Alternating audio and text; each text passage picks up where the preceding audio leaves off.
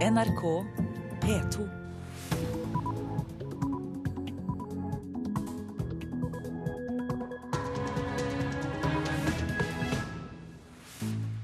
Ja, Velkommen til tirsdag 22. april, og nå klokka 6.30 er dette våre hovedsaker i Nyhetsmorgen. To menn drept i et gjengslagsmål i Sverige. Regimet i Syria nekter sitt eget folk mat og helsehjelp, sier Flyktninghjelpen. Folk i flyktningleiren har spist katter, hunder og esel for å holde seg i live, og også dyrefôr og blad fra trærne. KrF-lederen bruker kontantstøtten til å hyre inn dagmamma. Eksempel på feilslått politikk, mener SV-lederen. Og vi skal høre at russiske fangstmenn spilte sjakk på Svalbard for 250 år siden med brikker de laget selv. De er virkelig lekkert utført med små detaljer i krona på toppen av en her. Fine små sirkler som er skåret inn, eh, og bånd og ornamenter. Per Helge Nylund, Tromsø museum. Her i studio i dag, Øystein Heggen. Fire menn er pågrepet etter at to menn i 40-åra ble drept i et gjengslagsmål i Sverige i natt. Oppgjørene skjedde samtidig flere steder i Norrköping sør for Stockholm. Det var et dramatisk syn som møtte politiet da de kom til stedet, forteller pressetalsmann i Nordkjøping-polisen Fredrik Kliman. Når polisen kom eh, på plass, så påtreffes fire svårt skadede menn. En stund senere påtreffades ytterligere to menn svårt skadede i nærheten. Og eh, de her mennene har både eh, skottskader og skjæreskader. Både skytevåpen, jernrør og kniv ble brukt i det som beskrives som et gjengoppgjør sent mandag kveld. Norrköpingspolisen tror angrepene var samordnet, og det var mye uro i området der volden skjedde. Det har rørt seg veldig mye mennesker og biler i dette området, og eh, situasjonen beskreves av eh, polispatruller på plassen der som mye rørig. Politistyrker over hele Sverige jakter nå på dem som står bak, og fire menn er pågrepet i morgentimene. Motivet for drapene er ukjent, sier Fredrik Kliman i Norrköpingspolisen. Ja, Vi har eh, naturligvis en mengde teorier, men det er ingen som jeg kan gå ut med just nå. Kliman ble intervjuet av Sveriges Radio, og vår reporter var Lars Håkon Pedersen. Daglig nektes tre millioner syrere mat og helsehjelp. Regimet i Syria bruker middelalderske metoder for å vinne krigen, sier Flyktninghjelpen. Matforsyningene i flyktningleiren Jarmuk utenfor Damaskus er i ferd med å ta slutt, og ingen får slippe inn eller ut av leiren. Takk Gud for at du er trygg, bryter ei jente ut mens hun klemmer hardt på ei venninne. Opptaket er fra Jarmuk i Syria, da Røde Kors fikk lov til å hente ut skadde tidligere i år. Innbyggertallet i flyktningleiren har blitt redusert fra en halv million til 20 000 på to år. Siden den syriske regjeringa begynte å bruke utsulting som våpen i krigen, forteller Jan Egeland, generalsekretær i Flyktninghjelpen. Yarmouk har blitt et symbol på mange måter for hvor forferdelig denne krigen har blitt. Fordi de palestinerne i Yarmouk, som er en flyktningeleir i utgangspunktet Altså dette er palestinere hvis besteforeldre og foreldre flyktet fra Israel i sin tid. De har vært flyktninger helt siden. Nå blir de flyktninger igjen. Eller hvis de er fortsatt inne i Jarmuk, sultes de ut gjennom disse middelalderske beleiringstaktikkene. Det er over elleve dager siden forsyninga siste slapp inn i Jarmuk. Hvordan er det egentlig der?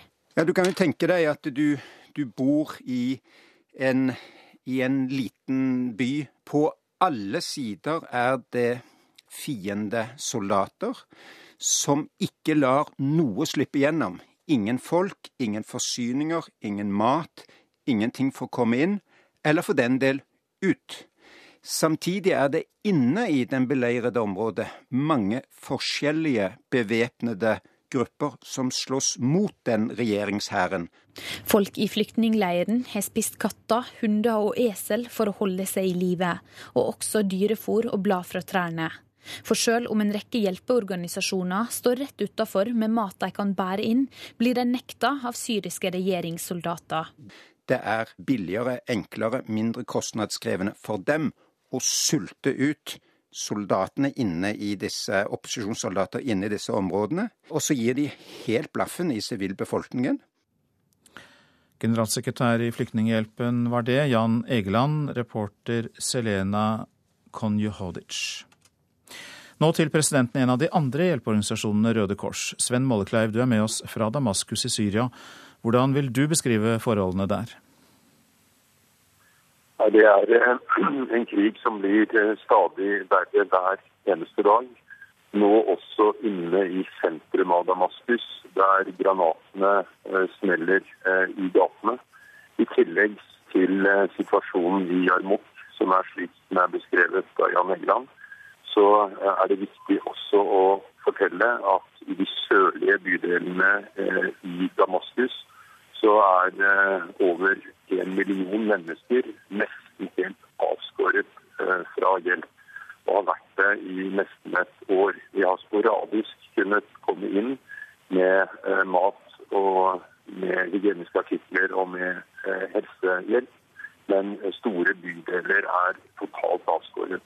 Så det vi snakker om, er at av de internt fordrevne så er nesten tre millioner mennesker daglig avskåret fra hjelp.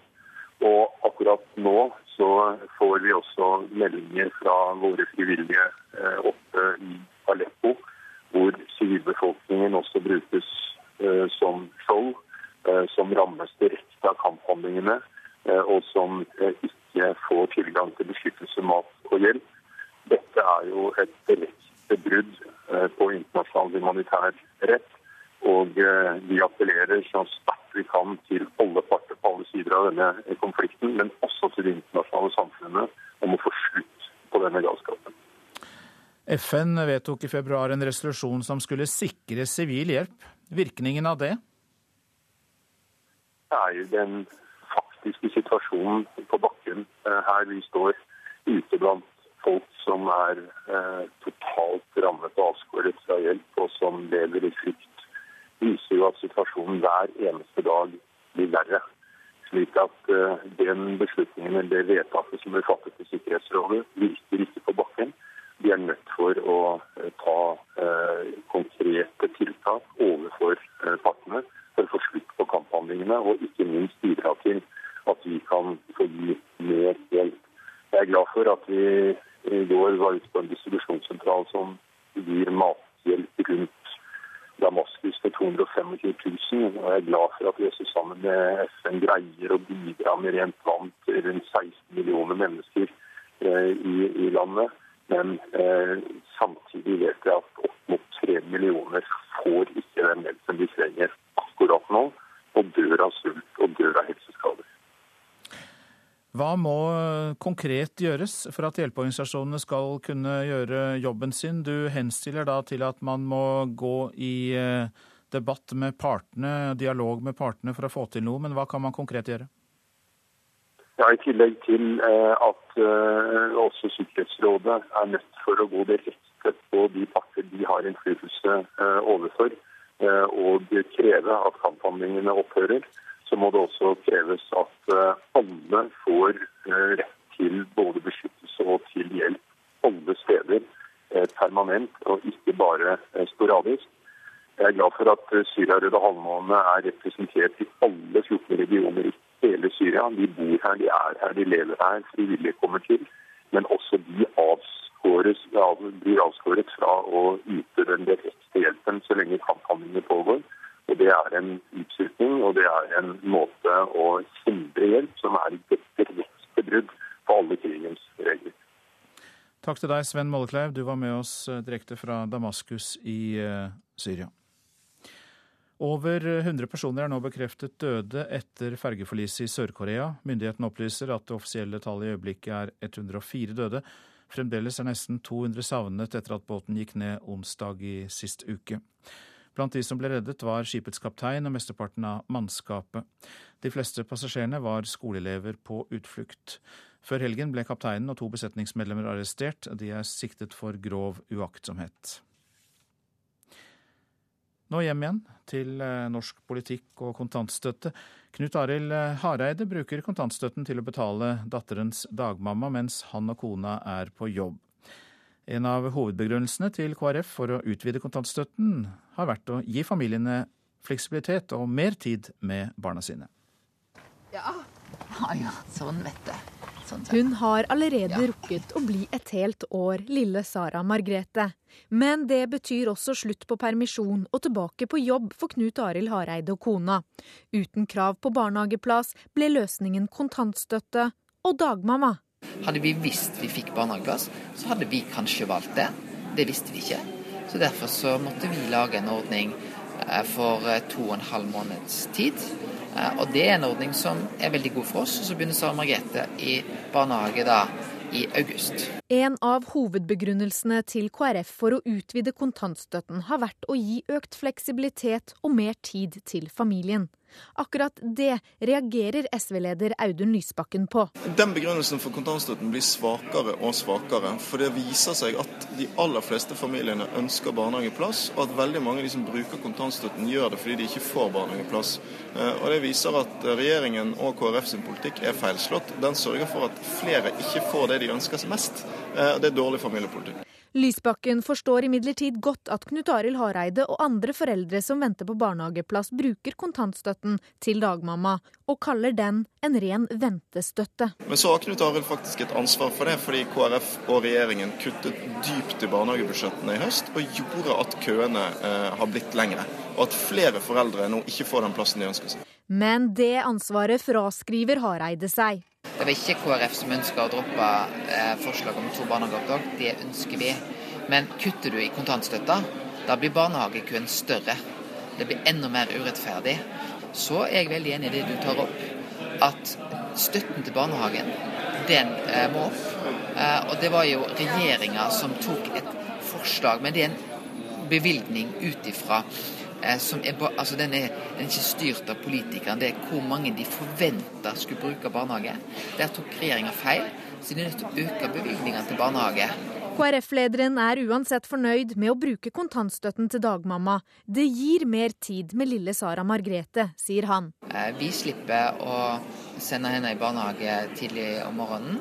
Eh, vi hadde sågar at hun kan være i samme hus. Eh, og da får vi mer tid sammen henne. Og eh, både jeg og Lise Maria har litt dager som varierer i tid, og da kan vi bruke mer tid sammen med henne. Reporter her, det var Veronica Westrin. Nå til eh, avisenes forsider i dag. Sogn og Fjordane har en skolesuksess som overrasker forskerne, kan vi lese i Bergens Tidende. Resultatene i Førde er de nest beste i landet, kun slått av Bærum. Artig, sier skolesjef Helge Seterdal der. Hans mål er å bli best i landet på skole. Ufør etter møte med Nav er oppslaget i Adresseavisen. Nav plasserte 35 år gamle Lise Connolly i tre skjermede bedrifter. Demotiverende og ingenting med utdanningen min å gjøre, sier hun, og legger til at det hun gjorde nærmest kan kalles slavearbeid. Bonuser er kvinnefiendtlig, sier tidligere LO-leder Gerd Liv Valla til Dagsavisen. Bonuser, personlig tillegg og presset for mer lokal lønnsfastsettelse, det er en uting og hindrer likelønn, sier Valla. Vårt Land skriver om flere generasjoner under samme tak. Den nye trenden er at generasjoner igjen søker sammen, og i Tyskland får storfamilier statsstøtte dersom de etablerer bolig for flere generasjoner. Dersom du ikke behandler din pollenallergi, utsetter du deg for astma og kolsfare, skriver VG.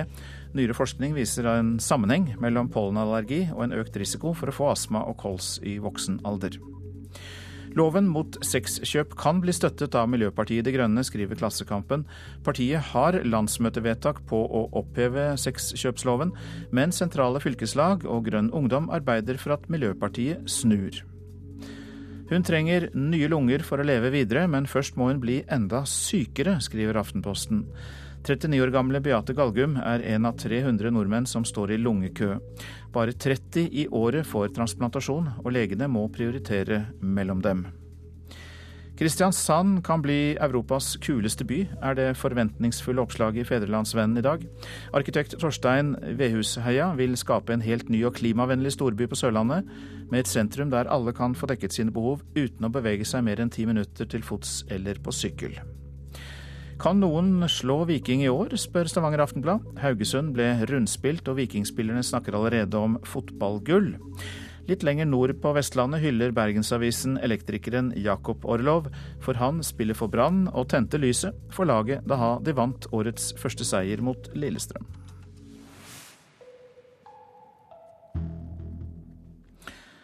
Men nå til ukultur blant fotballspillere i Norge. Det er i hvert fall det Tom Nordli kaller det, etter avisoppslagene om Rosenborg-spilleren Nikki Bille Nilsen. For han har igjen havnet i trøbbel etter en tur på byen. Eh, hvis du sammenligner med skiskyttere som eh, får 100 000 i bot, det er mulig det for å ta ut noe luft og sånn, men det, det er blitt fokus på det. Men det var pga. fyll at de får den smekken. Så er det akkurat som for hockeyspillere og fotballspillere, så er det helt andre regler som gjelder. Det sier NRKs fotballekspert Tom Nordli etter at Rosenborgs Nikki Bille Nilsen nok en gang har havnet i bråk etter en bytur. Dansken skal ifølge Ekstrabladet ha havnet i klammeri med politiet i København etter en tur på byen fredag kveld. At det i hele tatt er i nærheten tre-fire dager før kamp, og så gå på fylla. Det virker som det verste er at man har blitt tatt, ikke handlingen man har gjort. 26-åringen var som følge av dette ikke med i gårsdagens 2-2-kamp borte mot Bodø-Glimt, og RBKs sportssjef Erik Hoftun hadde følgende å si om situasjonen etter kampen. Vi må få fakta på bordet og finne, finne ut hva som har skjedd, og få mest mulig informasjon, og så får vi agere ut fra det. Vi må fortsatt ta vare på han og la han få den hjelpa han trenger, tenker jeg. I stedet for bare å sende han ut. Vi burde ta vare på han. Dette han kommer inn i varmen og prøve å lære han opp mer igjen. Men selv om enkelte supportere er villige til å tilgi Bille Nilsens uvaner, mener Tom Nordli at dansken og andre spillere bør ta grep. Nå får fotballspillere begynne å oppføre seg som eh, toppidrettsfolk, og så får de eh, leve som andre. Tom Nordli der, til reporter Anders Mjåland. Du lytter til Nyhetsmorgen, og klokka den går mot 6.47. Vi har disse hovedsakene. To menn drept i et gjengslagsmål i Nordkjøping i Sverige. Skytevåpen, jernrør og kniver ble brukt. Regimet i Syria nekter sitt folk mat og helsehjelp, sier Flyktninghjelpen og Røde Kors, som begge krever klarere avtaler med partene om å få mat fram til sivile. Vi må bruke de pengene det koster, selv om det blir dyrt, sier Frp om Nationaltheatret. Oppussingen av det fredede teatret blir mye dyrere enn antatt. Mer snart i Nyhetsmorgen.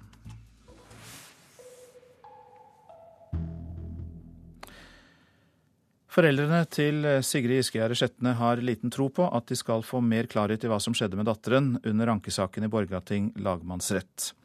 Det sier bistandsadvokat Harald Stabel. I dag starter ankesaken mot 38-åringen som i tingretten ble dømt for drapet på den 16 år gamle jenta.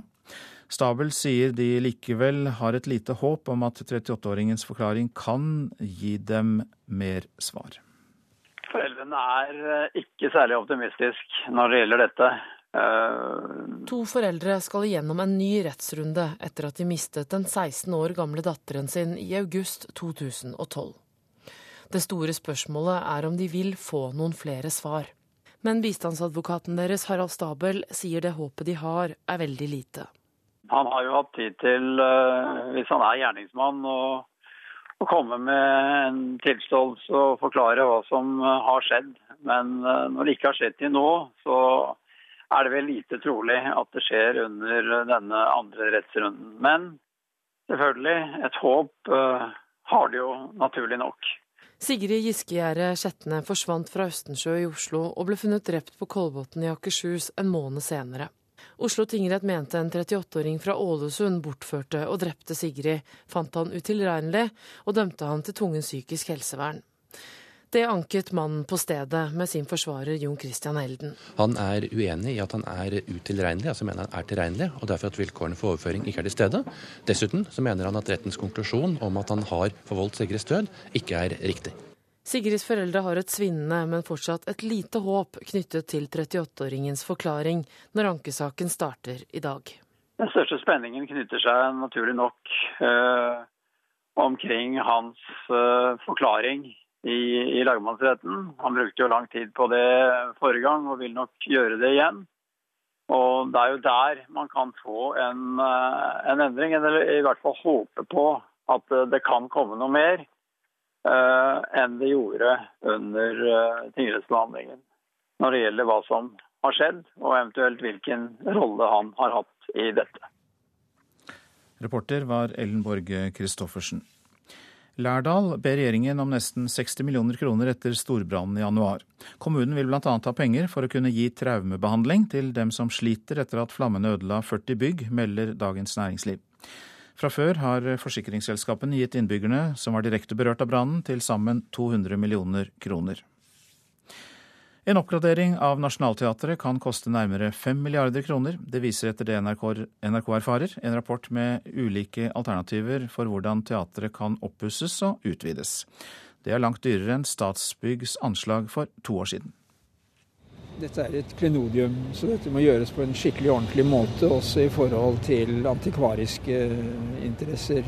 Sa administrerende direktør i Statsbygg Øyvind Christoffersen da han viste NRK rundt på Nationaltheatret i 2012. En analyse Statsbygg hadde laget, viste da at det ville koste mellom ca. 700 og 900 millioner kroner å få Nationaltheatret pusset opp, og i topp stand. Men jeg er opptatt av at det skal pusses opp og at det skal bli bedre muligheter for de som jobber på Nationaltheatret. For det er klart det er store utfordringer knytta til å levere både tradisjonelt og moderne teater i en bygning som er freda, og som har et stort behov for oppussing. Sa daværende kulturminister Anniken Huitfeldt. I juni 2012 bestemte regjeringen at det skulle gjennomføres en utredning. I bestillingen lå det at man skal se Nationaltheatret i et 50-årsperspektiv, hvilket betyr at man ikke bare pusser opp teatret, men gjør det til et funksjonelt teater etter nåtidens krav. NRK erfarer nå at denne utredningen, som snart er ferdig, viser ulike alternativer til hvordan oppussing og rehabilitering kan gjennomføres, og hva det vil koste. De to billigste alternativene, som kun handler om at bygningen slik den er i dag, oppgraderes til en akseptabel standard, koster rundt 1 milliard kroner. Men et moderne teater trenger også flere saler, sier styreleder ved Nationaltheatret, Anne Enger et uh, nasjonalteater med moderne teaterdrift i et 50-årsperspektiv må ha uh, flere scener og bedre plass. Og da er det i utredningen ulike alternativer for hvordan man kan sikre det på en god måte. Alternativene som omfatter en utvidelse av teatret, koster fra 3,2 til 4,9 milliarder kroner. Her foreslås flere saler og større publikumsområder, også under bakken. Det dyreste alternativet foreslår et helt nytt teaterbygg.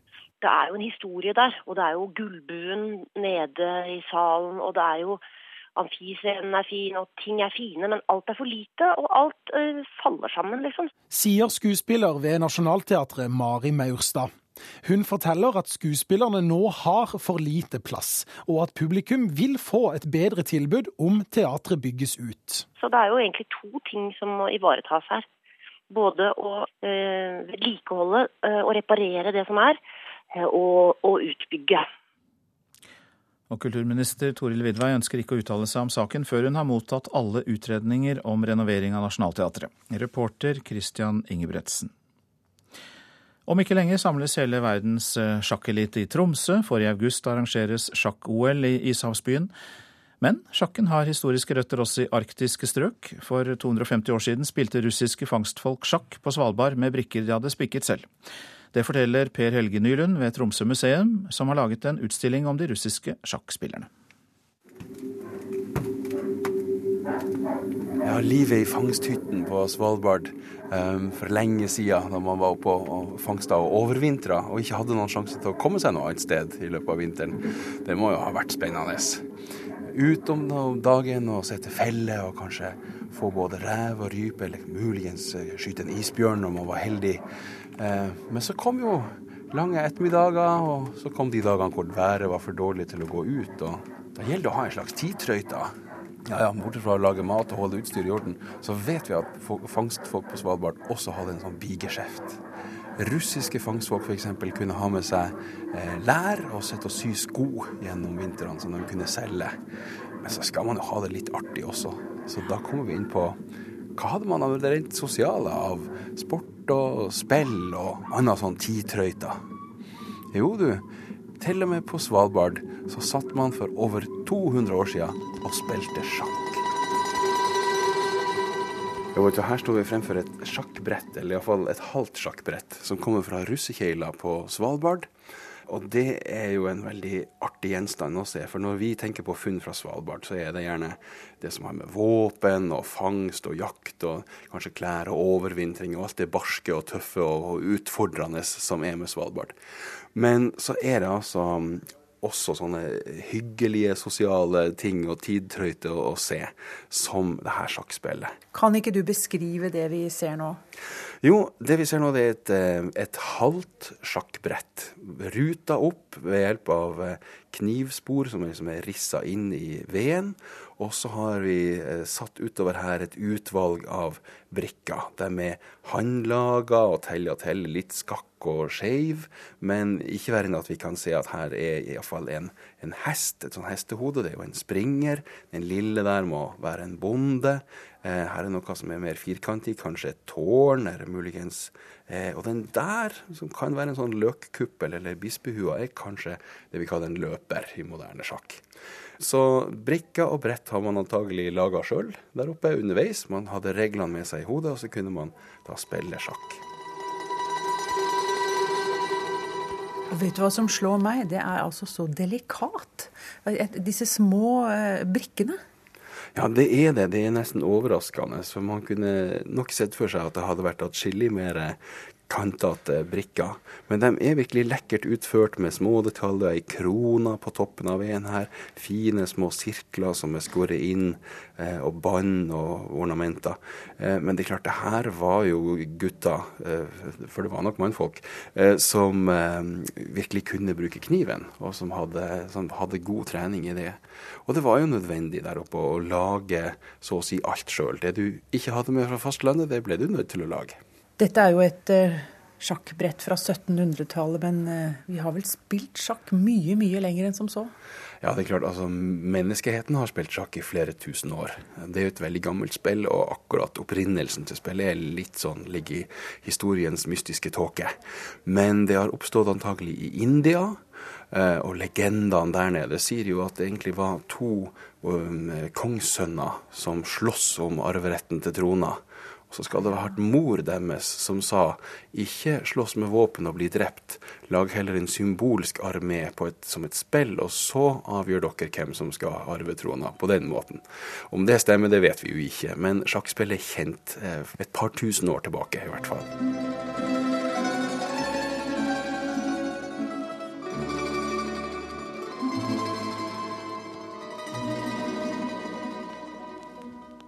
Og mer om de russiske fangstfolkene på Svalbard kan altså folk se under utstillingen, som holdes under sjakk-OL i Tromsø.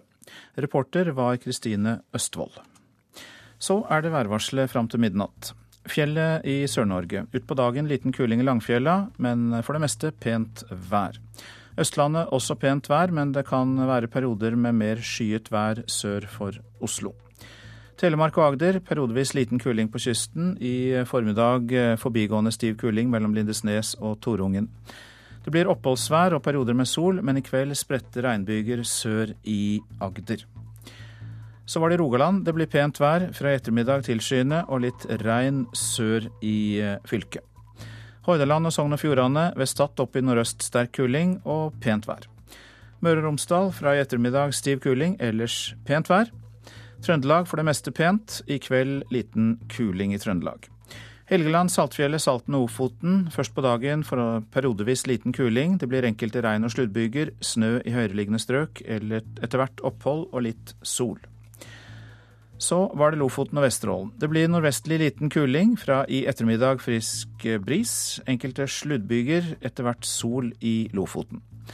Så går vi til Troms. Nordvestlig stiv kuling, sterk kuling lengst i nord. Fra i ettermiddag nordvestlig liten kuling, og det blir sludd og snøbyger. Finnmark nordvestlig sterk kuling utsatte steder. Først på dagen perioder med liten storm i Vest-Finnmark. Fra i ettermiddag nordvestlig stiv kuling, men fortsatt perioder med sterk kuling lengst i øst. Det blir snøbyger i Finnmark, og mest i de ytre strøkene av fylket. Så går vi til Nordensjøland på Spitsbergen. Perioder med stiv kuling først på dagen. Det blir enkelte snøbyger på kysten, ellers oppholdsvær, og en del sol kan det bli. Temperaturer som ble målt klokka fem. Svalbard lufthavn minus 11, Kirkenes og Vardø begge null. Alta minus 1. Tromsø-Langnes null grader. Og så går vi over på plussgrader. Bodø 4, Brønnøysund 5, Trondheim-Værnes 4, Molde 5. Bergen-Flesland 7, Stavanger 11, Kristiansand-Kjevik 10, Gardermoen 6 grader, Lillehammer 4. Røros hadde minus 5, mens Oslo-Blindern hadde minus 11 grader da klokka var fem i natt.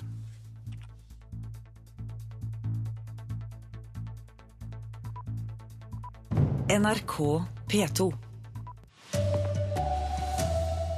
Private selskaper tar seg mer og mer av spesialundervisningen i skolen.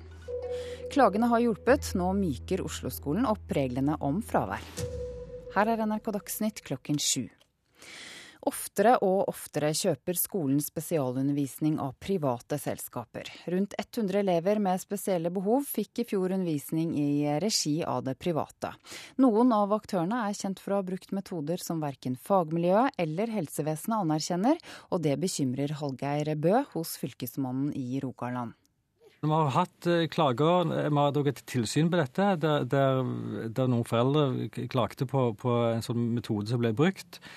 Eh, utfordringen som vi ser, er jo at når du får inn eksterne, eksterne eh, aktører inn i skolen, så, så, er ikke de kjent med hva, hvilke regler som nødvendigvis gjelder i skolen.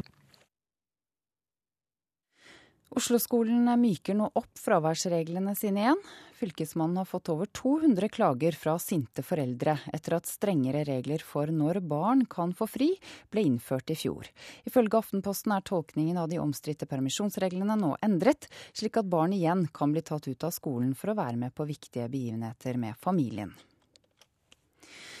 Nord-Korea kan være klar til å gjennomføre en ny atomprøvesprengning. Det sier Sør-Koreas forsvarsdepartement i dag. Ifølge nyhetsbyrået AFP har Sør-Korea registrert en kraftig økning i aktiviteten i det største prøvesprengningsområdet i Nord-Korea. Regimet i Syria nekter tre millioner syrere mat og helsehjelp. I flyktningleiren Yarmouk utenfor Damaskus er maten i ferd med å ta helt slutt, og ingen får slippe inn eller ut av leiren. Presidenten i Røde Kors, Sven Mollekleiv, er i Damaskus.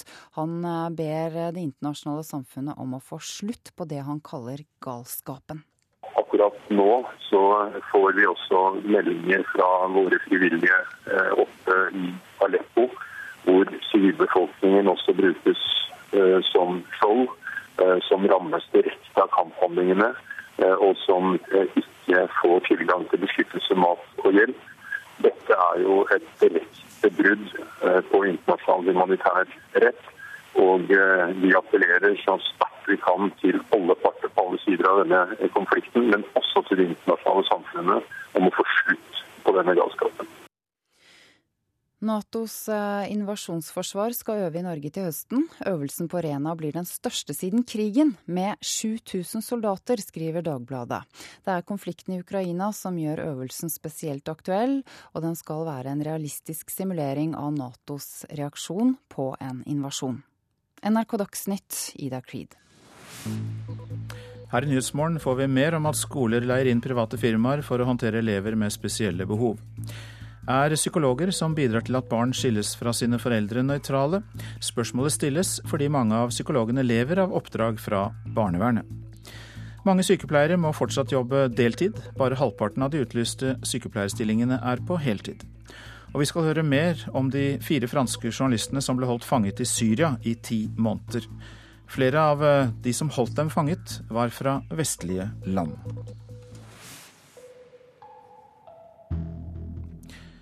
Oftere og oftere får private firmaer ansvaret for spesialundervisningen i skolen. I løpet av det siste året har om lag 100 elever ved offentlige skoler fått undervisning i regi av private aktører. En av dem er Fredrik. Da skal vi først kaste terninga, og så skal vi finne tiervenner. Så skal vi regne sammen hvor mye det blir. Og så skal vi gange etterpå. Greit? Det er matematikk, og lærer Anders Nyhus lærer bort gange. Én ganger Ni er ni. Ja. Spesialundervisninga foregår på en litt annen måte enn vanligvis i norsk skole. Noen nøtter i en kopp eller en drikkeboks. Forventninga er at du skal følge med på det Anders underviser. Hvis Fredrik følger planen, får han en belønning. Det er et privat selskap som har utforma undervisninga, og de har lært opp Nyhus i hvordan han skal gjøre det.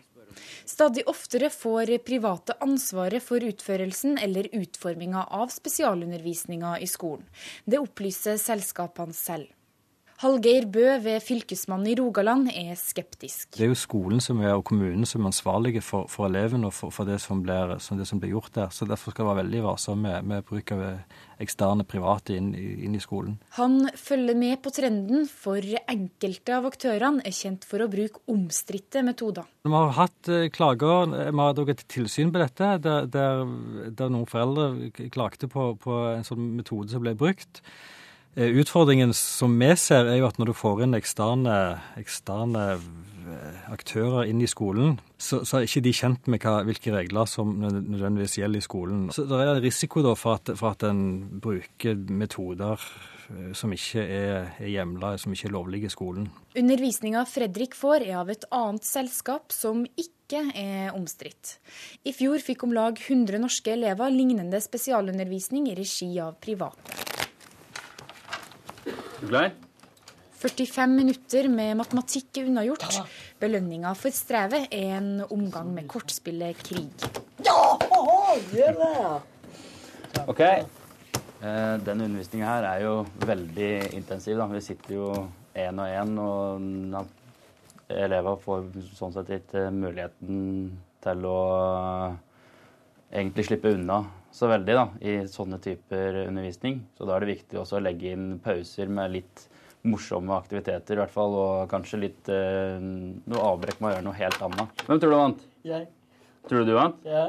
Ha, ha, ha, ha. Jeg cruiser deg! Du vant. Ha, ha, ha. Gratulerer. Flott. Denne reportasjen var laget av eh, Marit Gjelland. Terje Ogden, velkommen til Nyhetsmorgen. Takk. Du er med oss på telefon. Du er professor ved Universitetet i Oslo og forskningsdirektør ved Atferdssenteret, som altså jobber med barn som har atferdsvansker. Og du har sagt at det er en fallitterklæring for norsk skole at kommuner kjøper tjenester av eh, private på denne måten. Hvorfor er det problematisk? Nei, Det er jo oppsiktsvekkende at, eh, at, skolen må kjøpe inn denne type tjenester. For dette, dette er jo kompetanse skolene skal forvalte selv og at de skal utvikle gode tiltak i samarbeid med, med PP-tjenesten. Så, så, sånn sett så er jo det lett uforståelig. Men man kan også si at de private jobber målrettet med dette, og kanskje også bare med dette, at det kan være en eh, fordel? Absolutt, men da mener jeg at de private skal levere disse tjenestene til skolens eh, ansatte og personale. Altså, Vi vil gjerne bruke private bidragsytere i forhold til å bygge opp kompetansen i skolen, men vi kan ikke sette dem til å arbeide direkte med, med elevene. Det undergraver jo hele skolens kompetanse. Så hvis en kommune syns det er vanskelig å skaffe folk som eh, kan håndtere dette, hva vil du anbefale at de gjør? Nei, altså, Det kan ikke være vanskelig å få tak i det. Altså, vi har så høy kompetanse både i skolene og både i Statped-systemet og i PP-tjenestene at det her, det her, skulle ikke være noe problem. Så disse folkene fins? De fins, absolutt. Så jeg bare undrer meg hvorfor man bruker eh, midlene og tar initiativ på denne måten, og, og ikke bygger opp denne kompetansen eh, spesifikt på skolene. Ja, Men hvorfor tror du det skjer? Er det fordi de private presser på for å få oppdrag? Nei, Jeg vet ikke. Altså, nå vet jeg ikke bakgrunnen for at man setter i gang dette. Og, og det er kanskje veldig spesielle elever eh, det er snakk om. Men, men det, må, det, må, ligge en forklaring bak, og, og det syns jeg vi skulle spørre skolen om. Hvorfor de har valgt denne, denne framgangsmåten. Hvordan uh, syns du i det hele tatt uh, Altså du jobber jo med barn som har atferdsvansker. Nå tenker jeg mer generelt uh, hvordan skolene håndterer disse barnas problemer. For du ser jo dette ja, også fra barnas ståsted. Ja, og dette er klart det er en, er en stor utfordring. og Derfor har vi vært veldig opptatt av at vi skal bygge opp denne kompetansen rundt omkring i norske skoler. Eh, og særlig det å flytte kompetansen inn i klasserommet. For det vi hører om her, er at vi tar elevene ut. Og det forsterker en segregeringstendens som vi er veldig lite glad for. Så, så jeg tror strategien må være at vi i større grad bygger opp dette ved den enkelte skole. Og dette er jo gjerne noe som havner på politikernes spor, så hva er oppfordringen din til dem? Det er å sette seg inn i og, og spørre hva kommer det av at denne type praksis har utviklet seg. Altså, vi bruker jo milliardbeløp på spesialundervisning i i Norge i dag, det er en lovfestet rett som elevene har. Så, så her er det jo ingen unnskyldning for ikke å bygge opp denne kompetansen rundt omkring i norske skoler.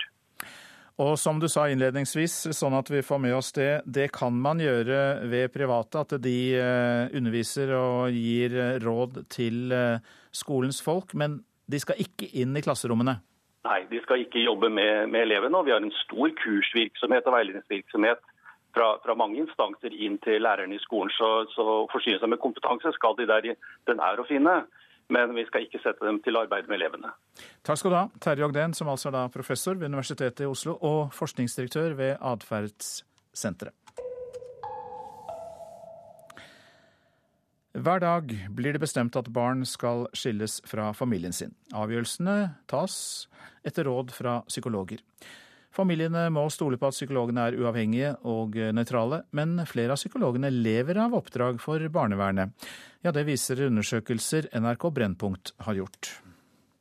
De påtar seg et enormt ansvar. Det sier en bestefar på Vestlandet. Barnebarnet hans ble skilt fra familien i 2012, fire måneder gammel. De ser henne mest på video nå. Se på det fjeset. Det var ikke av rusmisbruk, vold eller vanskjøtsel. Men det var alvorlige mangler ved det psykologiske samspillet mellom barn og foreldre, går det frem av avgjørelsen. Vi skal være uavhengige og nøytrale. Det sier Torstein Rød. Han leder fylkesnemnda for barnevern, som avgjorde saken. I nemnda sitter også en psykolog som er med på avgjørelsen. Det familien ikke visste, var at psykologen som skulle være nøytral og uavhengig, selv har hatt oppdrag for kommunen, som var part i saken. Altså Den som fremsto tydeligst med bindinger, det var han. Hadde familien kjent til dette, ville de ha krevd en annen psykolog i nemnda. Når som saken er avgjort, er det for seint. Heller ikke fylkesnemnda selv kjente til oppdragene. Nei, vi får ikke den type informasjon. NRK har funnet flere eksempler på at psykologer er med på å avgjøre saker mot kommuner de selv har hatt oppdrag for. Det gjør dem ikke nødvendigvis inhabile.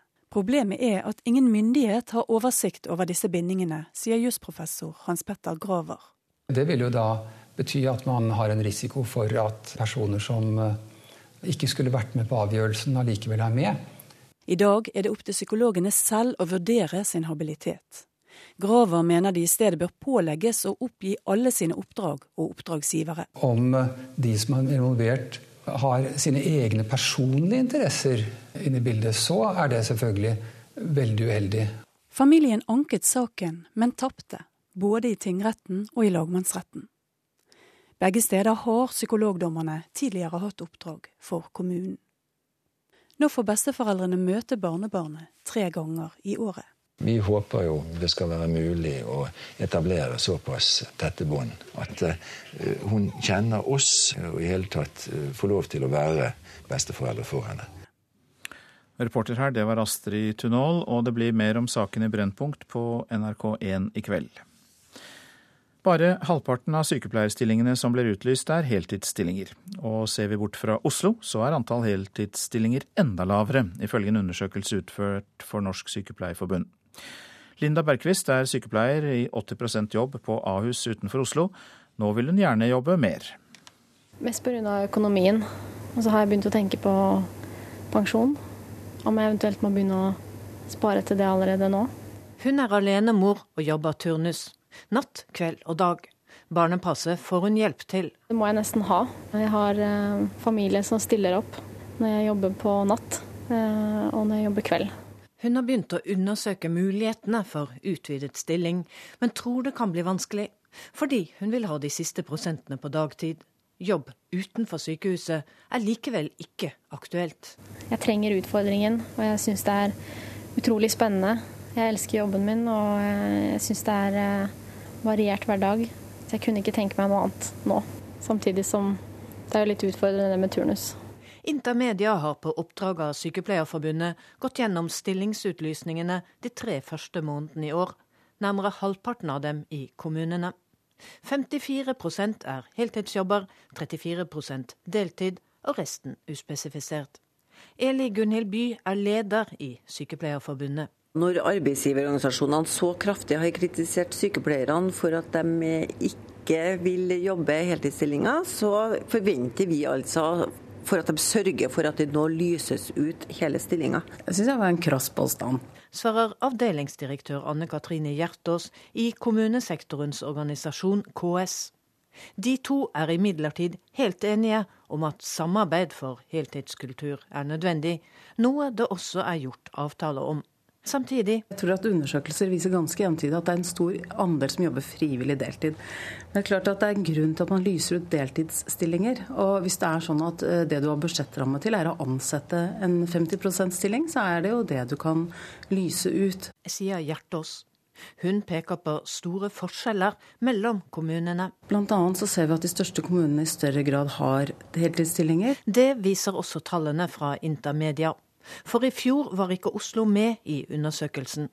Da var bare 27 av stillingene heltid.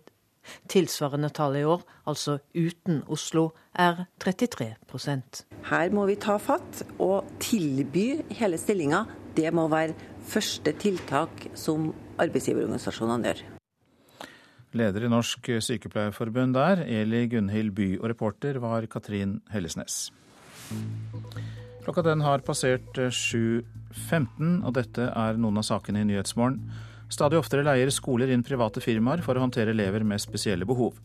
Terje Ogden, professor ved Universitetet i Oslo, sa her i Nyhetsmorgen nettopp at private firmaer ikke bør hyres inn for å undervise elever. Nord-Korea kan være klar til å gjennomføre sin fjerde atomprøvesprengning. Sør-Koreas forsvarsdepartement har registrert en kraftig økning i aktiviteten i et prøvesprengningsområde i Nord-Korea. Han ble slått og satt til å jobbe fra han var liten gutt. Hør om barndommen til Bjørn Johan Lutro på barnehjem seinere i Nyhetsmorgen.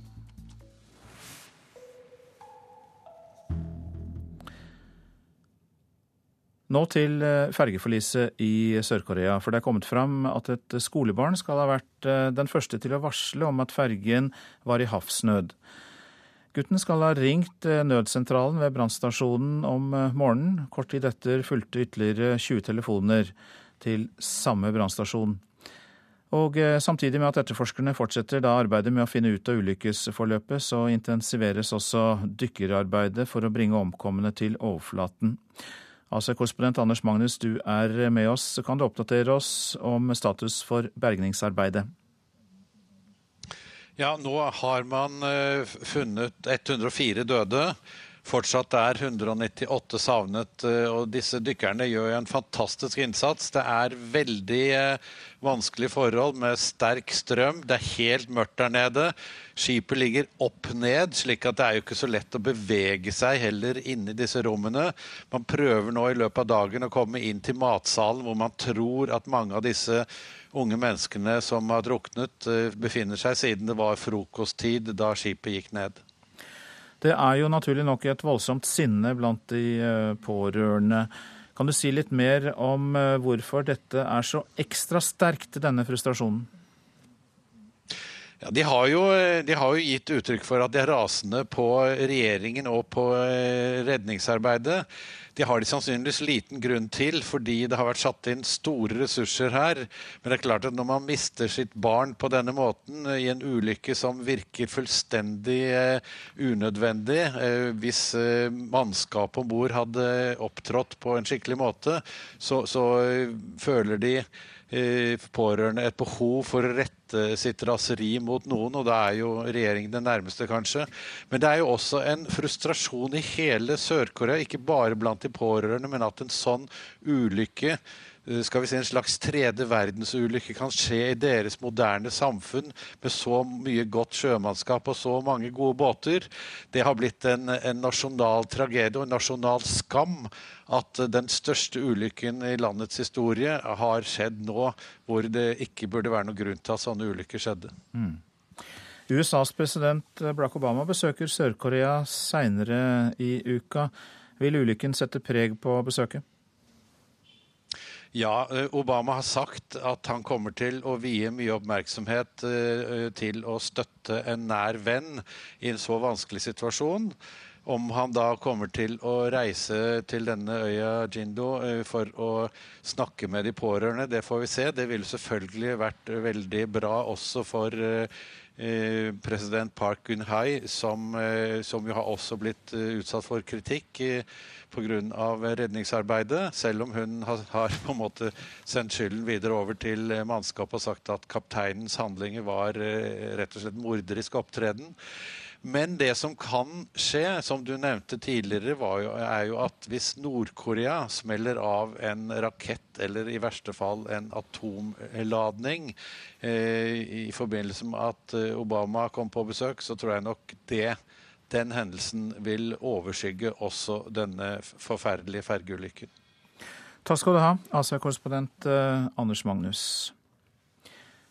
Nå om de franske journalistene som ble holdt fanget i Syria i ti måneder. De fire forteller at uh, noen av fangevokterne var fra vestlige land. Det er Frankrikes utenriksminister Laurent Fabius som har formidlet disse informasjonene. Journalistene ble bortført av en av de mest ytterliggående opprørsgruppene i Syria, og ble utsatt for både sult og fiktive henrettelser. Euh, des, voilà, des, des, des, pistolets posés sur la tempe euh, ou sur le front. De holdt en pistol mot hodet og lekte at de henrettet oss, men så lenge det var mulig å snakke med dem, så trodde jeg egentlig ikke at de ville gjennomføre det, sier Didier Francois. Han og fotograf Edouard Elias er tilbake i TV-kanalen som sendte dem til Syria i juni i fjor. På vei til Aleppo nord i landet ble de tatt til fange av en opprørsgruppe. De ble påført håndjern og satt lenke til veggen i en kjeller i lange perioder. Sult og frykt ble hverdagen, og de var under konstant press. Euh, I løpet av ti og en halv måneds fangenskap så vi kanskje dagslys i tre uker, sier han. Da de endelig satt foten på fransk jord søndag, ble de tatt varmt imot av familie og venner. Frankrikes president Francois Hollande kalte det et stolt øyeblikk for landet. Bare ett døgn tidligere hadde tyrkiske soldater funnet de fire franske journalistene bakbundet og med bind for øynene ved den syriske grensen. I forkant av løslatelsen skal det ha pågått intense forhandlinger, og Frankrikes utenriksminister Laurent Fabius sa på spørsmål fra fransk TV i går kveld at noen av gisseltakerne snakket feilfri fransk. Dessverre ja, sa han, men ville ikke være mer presis enn å si at flere av dem som er rekruttert, er fra Belgia og Frankrike. De er franske, belgere, italienere og tar del i jihad, sa Laurent Fabius til fransk TV i går. Den franske regjeringen har gitt få detaljer om hva som førte til løslatelsen, men sier staten ikke har betalt ut penger. Fortsatt sitter mange journalister i fangenskap i det borgerkrigsherjede landet. Også Marit Befring, Brussel. En 25 eh, år gammel mann tiltalt for ran er eh, skutt og drept av politiet i en rettssal i Salt Lake City i USA. Mannen gikk til angrep på et vitne i rettssalen da vaktene avfyrte flere skudd for å stanse ham, og han døde altså seinere på sykehus. En britisk turist er pågrepet og blitt utvist fra Sri Lanka pga. en tatovering. Denne kvinnen hadde tatovert en figur som forestiller Buddha på armen, og ble stanset på flyplassen i Colombo. Over 70% av Sri Lankas innbyggere er buddhister, og det slås da hardt ned på alt som kan oppfattes som kritikk og trusler mot religionen. Det kinesiske flyselskapet Shandong Airlines har bestilt 50 nye passasjerfly fra Boeing-fabrikken i USA. Shandong Airlines tar mål av seg til å doble flyparken fram mot år 2020, melder nyhetsbyrået Sinua. Passasjertrafikken med fly i Kina ventes å bli femdoblet de neste 20 år. Så var det pressen her hjemme og forsidene. Sogn og Fjordane har en skolesuksess som overrasker forskere, kan vi lese i Bergens Tidende. Resultatene i Førde f.eks., det er de nest beste i landet, kun slått av Bærum. Artig, sier skolesjef Helge Seterdal. Hans mål er å bli best i landet på skole. Ufør etter møte med Nav er oppslaget i Adresseavisen. Nav plasserte 35 år gamle Lise Connolly i tre skjermede bedrifter. Demotiverende og ingenting med utdanningen min å gjøre, sier hun, og legger til at det hun gjorde nærmest kan kalles slavearbeid. Bonuser er kvinnefiendtlig, sier tidligere LO-leder Gerd Liv Valla til Dagsavisen. Bonuser, personlige tillegg og eh, presset for mer lokal lønnsfastsettelse, det er en uting og hindrer likelønn, sier Valla. Vårt Land skriver om flere generasjoner under samme tak. Den nye trenden er at generasjoner igjen søker sammen, og i Tyskland får storfamilier statsstøtte dersom de etablerer bolig for flere generasjoner. Dersom du ikke behandler din pollenallergi, utsetter du deg for astma- og kolsfare, skriver VG. Nyere forskning viser en sammenheng mellom pollenallergi og en økt risiko for å få astma og kols i voksen alder. Loven mot eh, sexkjøp kan bli støttet av Miljøpartiet De Grønne, skriver Klassekampen. Partiet har landsmøtevedtak på å oppheve sexkjøpsloven, men sentrale fylkeslag og Grønn Ungdom arbeider for at Miljøpartiet snur. Hun trenger nye lunger for å leve videre, men først må hun bli enda sykere, skriver Aftenposten. 39 år gamle Beate Galgum er en av 300 nordmenn som står i lungekø. Bare 30 i året får transplantasjon, og legene må prioritere hardt mellom de 300 i kø. Kristiansand kan bli Europas kuleste by. Det er det forventningsfulle oppslaget i Fedrelandsvennen i dag. Arkitekt Torstein Vehusheia vil skape en helt ny og klimavennlig storby på Sørlandet, med et sentrum der alle kan få dekket sine behov uten å bevege seg mer enn ti minutter til fots eller på sykkel. Kan noen slå Viking i år, spør Stavanger Aftenblad. Haugesund ble rundspilt, og vikingspillerne snakker allerede om fotballgull. Litt lenger nord på Vestlandet hyller Bergensavisen elektrikeren Jakob Orlov. For han spiller nemlig for Brann og tente lyset for laget da de vant årets første seier mot Lillestrøm.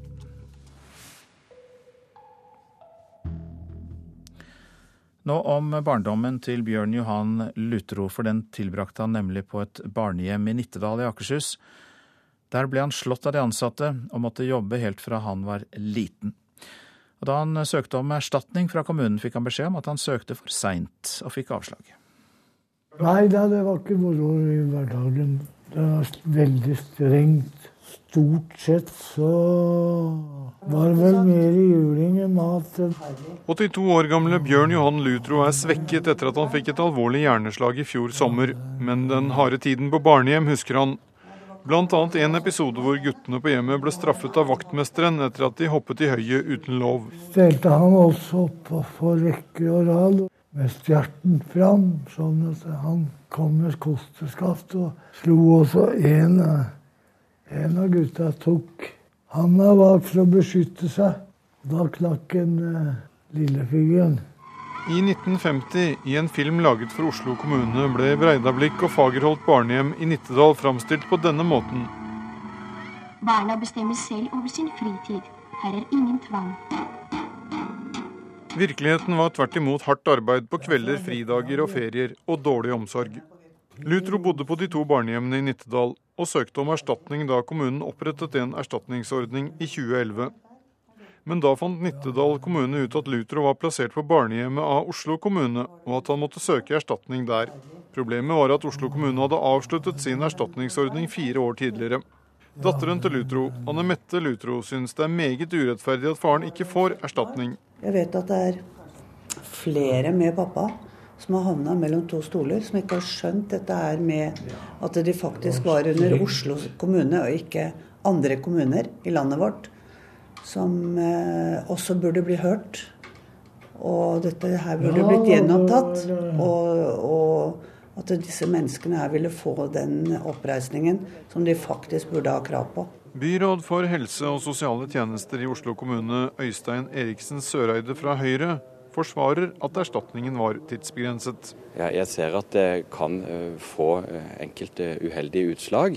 Uh, men jeg tror det er viktig å holde fast på at nå har vi fått en, nasjonal ordning som gjør at barnevernsbarna som har lidd overlast, og som fortjener samfunnets beklaget for det, også kan søke den ordningen bredt. Lutro har allerede fått 150 000 kroner i erstatning fra den statlige ordningen men Oslo kommune ga opptil 725 000 kroner i erstatning i sin kommunale ordning. Bjørnar Moxnes i partiet Rødt mener denne må åpnes igjen. Så Hvordan i all verden skulle Lutro vite at eh, han lå under barnevernet i Oslo, når han er vokst opp på institusjon i Nittedal? Det visste jo heller ikke kommunen der ute. De brukte jo ett år på å avklare at det var Oslo som hadde ansvaret, og ikke Nittedal. Så det her kunne ikke Lutro vite, og det kan også finnes andre som han der ute. Og da burde de også kunne få oppreisning og erstatning, sånn som resten av barnevernsbarna i Oslo har fått tilbud om. Bjørn Johan Lutro får hjelp i arbeidet for å få erstatning fra barna sine, som lover å fortsette kampen. Nei, jeg kommer jo ikke til å gi opp kampen. Så lenge pappa orker, så gjør jeg det. Og det gjør alle vi søsknene. Jeg har to brødre og en søster, og vi står på dette her for at vi ønsker at pappa og de med han skal få den oppreisningen de har faktisk krav på. Ja, Det sa Anne Mette Lutro, som kjemper for farens rettigheter. Reporter var Jon Gimmingsrud. Du lytter til eh, Nyhetsmorgen. I reportasjen etter Dagsnytt skal vi til Balkan og høre om ungdom som tilbys å drive landbruk på statseid jord i Makedonia. Gjest i Politisk kvarter er finansminister og Frp-leder Siv Jensen. Prosent for Nyhetsmorgen, Kari Bekken Larsen. Her i studio, Øystein Heggen.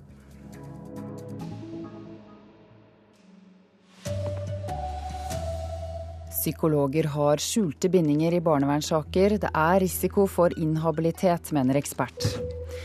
Sykepleierforbundet ber arbeidsgiverne skjerpe seg. Bare halvparten av stillingene som utlyses, er heltid. Knut Arild Hareide bruker kontantstøtten til å betale dagmamma. Det viser at politikken er feilslått, mener SV. Her er NRK Dagsnytt klokken 7.30 er psykologer som bidrar til at barn skilles fra foreldrene sine, nøytrale? Spørsmålet stilles fordi mange av psykologene lever av oppdrag fra barnevernet. Daglig blir barn tatt bort fra foreldrene sine. Avgjørelsen tas etter råd fra psykologer. Familiene må stole på at psykologene er uavhengige og nøytrale. De påtar seg et enormt ansvar. Det sier en bestefar på Vestlandet. Barnebarnet hans ble skilt fra familien i 2012, fire måneder gammel. De ser henne mest på video nå. Se på det fjeset. Det var ikke av rusmisbruk, vold eller vanskjøtsel. Men det var alvorlige mangler ved det psykologiske samspillet mellom barn og foreldre, går det frem av avgjørelsen. Vi skal være uavhengige og nøytrale. Det sier Torstein Rød, han leder fylkesnemnda for barnevern, som avgjorde saken. I nemnda sitter også en psykolog som er med på avgjørelsen. Det familien ikke visste, var at psykologen som skulle være nøytral og uavhengig, selv har et oppdrag for kommunen, som var part i saken. Altså Den som fremsto tydeligst med bindinger, det var han. Hadde familien kjent til dette, ville de ha krevd en annen psykolog i nemnda. Når som saken er avgjort, er det for seint. Heller ikke fylkesnemnda selv kjente til oppdragene. Nei, vi får ikke den type informasjon. NRK har funnet flere eksempler på at psykologer er med på å avgjøre saker mot kommuner de selv har et oppdrag for. Det gjør dem ikke nødvendigvis inhabile. Problemet er at ingen myndighet har oversikt over disse bindingene, sier jusprofessor Hans Petter Graver. Det vil jo da bety at man har en risiko for at personer som eh, ikke skulle vært med på avgjørelsen, allikevel er med om de som er involvert, har sine egne personlige interesser inne i bildet, så er det selvfølgelig veldig uheldig. Det blir mer om denne saken i Brennpunkt på NRK1 i kveld. Reporter Astrid Tunål. Bare halvparten av sykepleierstillingene som blir utlyst er heltid. Og ser vi bort fra Oslo er tallet enda lavere, ifølge en undersøkelse utført for Norsk Sykepleierforbund. Linda Bergquist er sykepleier i 80% jobb på Ahus utenfor Oslo. Hun vil gjerne jobbe mer. Mest pga. økonomien. Og så har jeg begynt å tenke på pensjon. Om jeg eventuelt må begynne å spare til det allerede nå. Likevel å se seg om etter heltidsjobb utenfor sykehuset er ikke aktuelt. Jeg liker arbeidsmiljøet, arbeidsmåten. Trives godt med kollegaene mine. Så jeg kunne ikke tenkt meg noe annet nå. Samtidig som det er litt utfordrende med turnus. Intermedia har gått gjennom stillingsutlysningene de tre første månedene i år. Over halvparten i kommunene. 54% er heltidsjobber, 34% deltid og resten uspesifisert. Eli Gunhild By er leder i Sykepleierforbundet. Når arbeidsgiverorganisasjonene så kraftig har kritisert sykepleierne for at de ikke vil jobbe heltidsstillinger, så forventer vi altså for at de sørger for at det nå lyses ut hele stillinga. Det syns jeg var en krass påstand. Svarer avdelingsdirektør Anne Katrine Hjertås i kommunesektorens organisasjon KS. De to er imidlertid helt enige om at samarbeid for heltidskultur er nødvendig, noe det også er gjort avtale om. Men samtidig Hvis det er sånn at eh, det du har budsjettramme til er å ansette en 50 %-stilling, så er det jo det du kan lyse ut. Reporter Katrin Hellesnes. Oftere og oftere bruker norske skoler private selskaper for å få hjelp til å håndtere elever med spesielle behov, som autisme, ADHD eller psykisk utviklingshemming. I fjor fikk rundt 100 elever ved offentlig skoleundervisning i regi av private aktører. En av dem er Fredrik. Noen nøtter i en kopp eller en drikkeboks. Forventninga er at du skal følge med på det Anders underviser. Spesialundervisninga Fredrik får, foregår på en litt annen måte enn vanligvis i norsk skole. Hvis han følger planen, får han en belønning. Det er et privat selskap som har utforma undervisninga, og de har lært opp lærer Anders Nyhus i hvordan han skal gjøre det. Stadig oftere får private ansvaret for utførelsen eller utforminga av spesialundervisninga i skolen.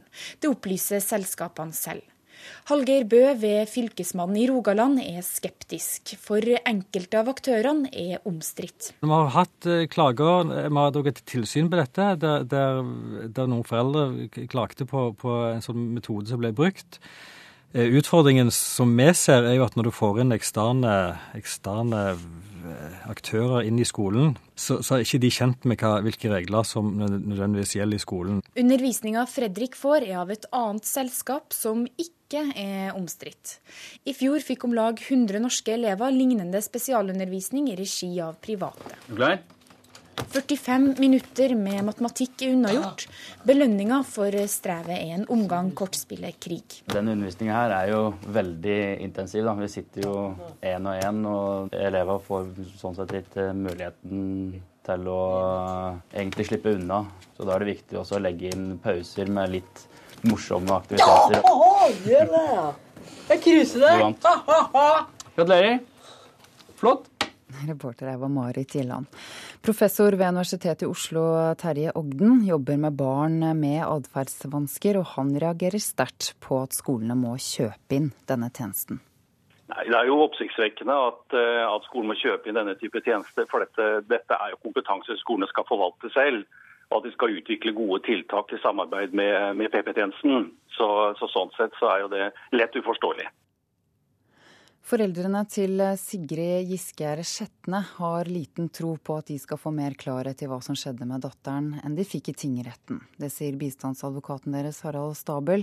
I dag starter ankesaken mot 38-åringen som i tingretten ble dømt for drapet på den 16 år gamle jenta. Han har jo hatt tid til, eh, hvis han er gjerningsmann, å komme med en tilståelse og forklare hva som eh, har skjedd. Men eh, når det ikke har skjedd til nå, så er det vel lite trolig at det skjer under denne andre rettsrunden. Men selvfølgelig, et håp har det jo naturlig nok. Forsvarer Jon Christian Elden har tidligere sagt at det ikke er noe nytt fra Forsvarets side i saken.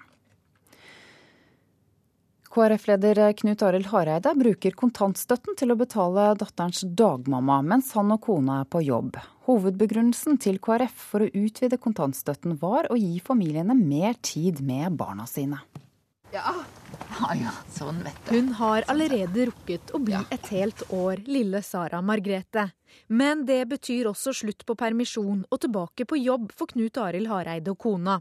Uten krav på barnehageplass ble løsningen kontantstøtte, og dagmamma. Hadde vi visst vi fikk barnehageplass, så hadde vi kanskje valgt det. Det visste vi ikke. Så derfor så måtte vi lage en ordning eh, for eh, to og en halv måneds tid. Eh, og det er en ordning som er veldig god for oss. Og så begynner Sara Margrethe i barnehage da i august. En av hovedbegrunnelsene til KrF for å utvide kontantstøtten har vært å gi økt fleksibilitet og mer tid til familien. Akkurat det reagerer SV-leder Audun Lysbakken på. Den begrunnelsen for kontantstøtten blir svakere og svakere. For det viser seg at de aller fleste familiene ønsker barnehageplass. Lysbakken forstår derfor godt Hareides valg, men kaller kontantstøtten en ren ventestøtte. Men så har Knut Arild faktisk et ansvar for det, fordi KrF og regjeringen kuttet dypt i barnehagebudsjettene i høst og gjorde at køene eh, har blitt lengre. Men det ansvaret fraskriver Hareide seg. Det var ikke KrF som ønska å droppe eh, forslaget om to barnehageopptak, det ønsker vi. Og KrF-lederen sier han med dagmamma nå får mer tid med lille Sara Margrethe. Eh, vi slipper å sende henne i barnehage tidlig om morgenen. Eh, vi hadde sågar at hun kan være i samme hus. Reporter Veronica Westrin. NRKs fotballekspert Tom Nordli mener det å gå på byen få dager før kamp er en ukultur blant norske fotballspillere. I helgen havnet Rosenborg-spiller Nikki Bille Nilsen i trøbbel etter en tur på byen.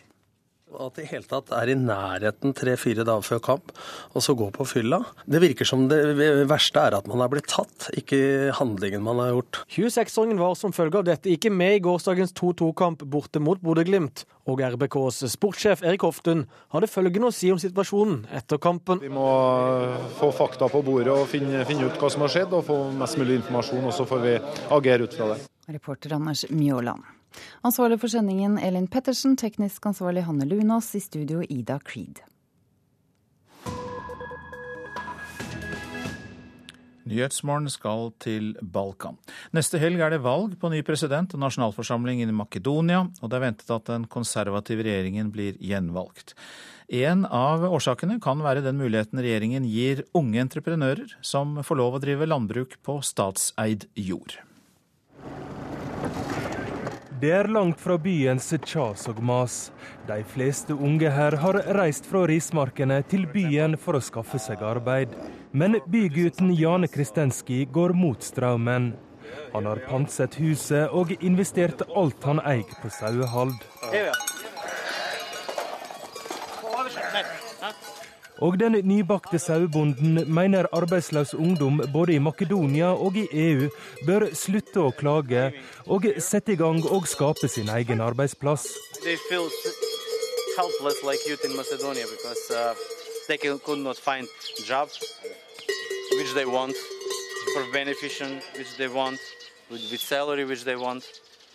But uh, I think that they don't ask the real question, which uh, my very good friend asked me when I was complaining with the same things.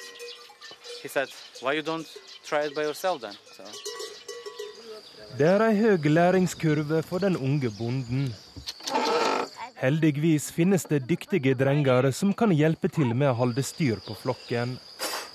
Eldstemann er 94 år gammel. Han kom med gården som Kristenski leier av staten. Han har gjeta sauer hele livet.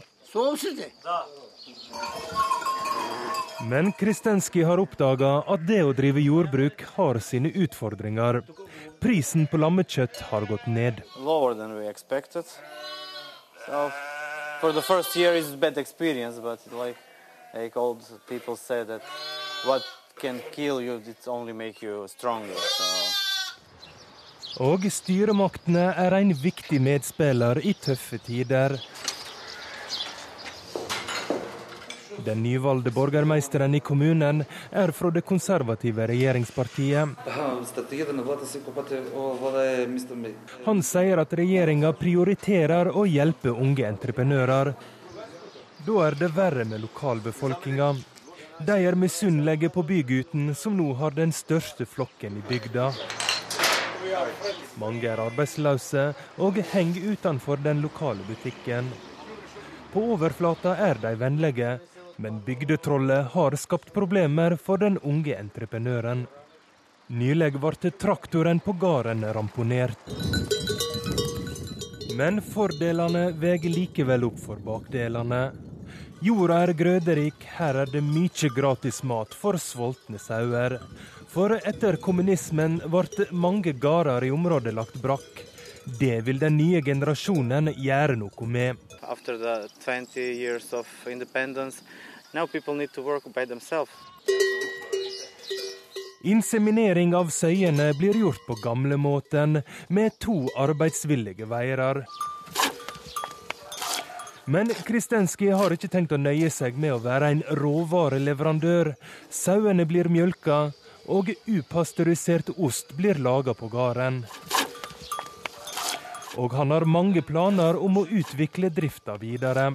You can invest in in dairy, you can invest in um, a slaughterhouse, you can invest uh, in a factory for producing food for them, things like that, or just increasing the flock.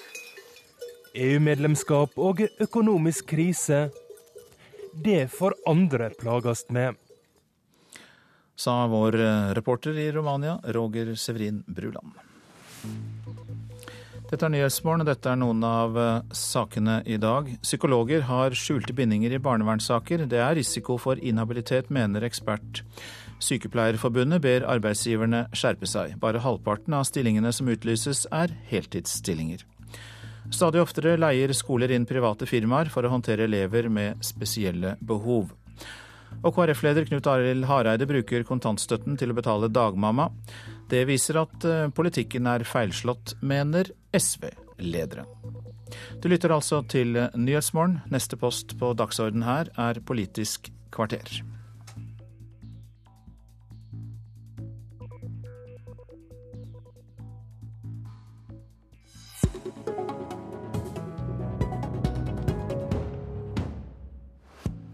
Fra protestbevegelse til regjeringsparti. Fremskrittspartiet har lagt bak seg det første halvåret i regjeringskontorene. Jeg heter eh, Per Arne Bjerke og ønsker velkommen til Politisk kvarter i NRK1 og NRK P2. Første sending etter påske. God morgen, Siv Jensen. Riktig god morgen. I påskeuka kunne Fremskrittspartiet feire sitt første halvår som regjeringsparti.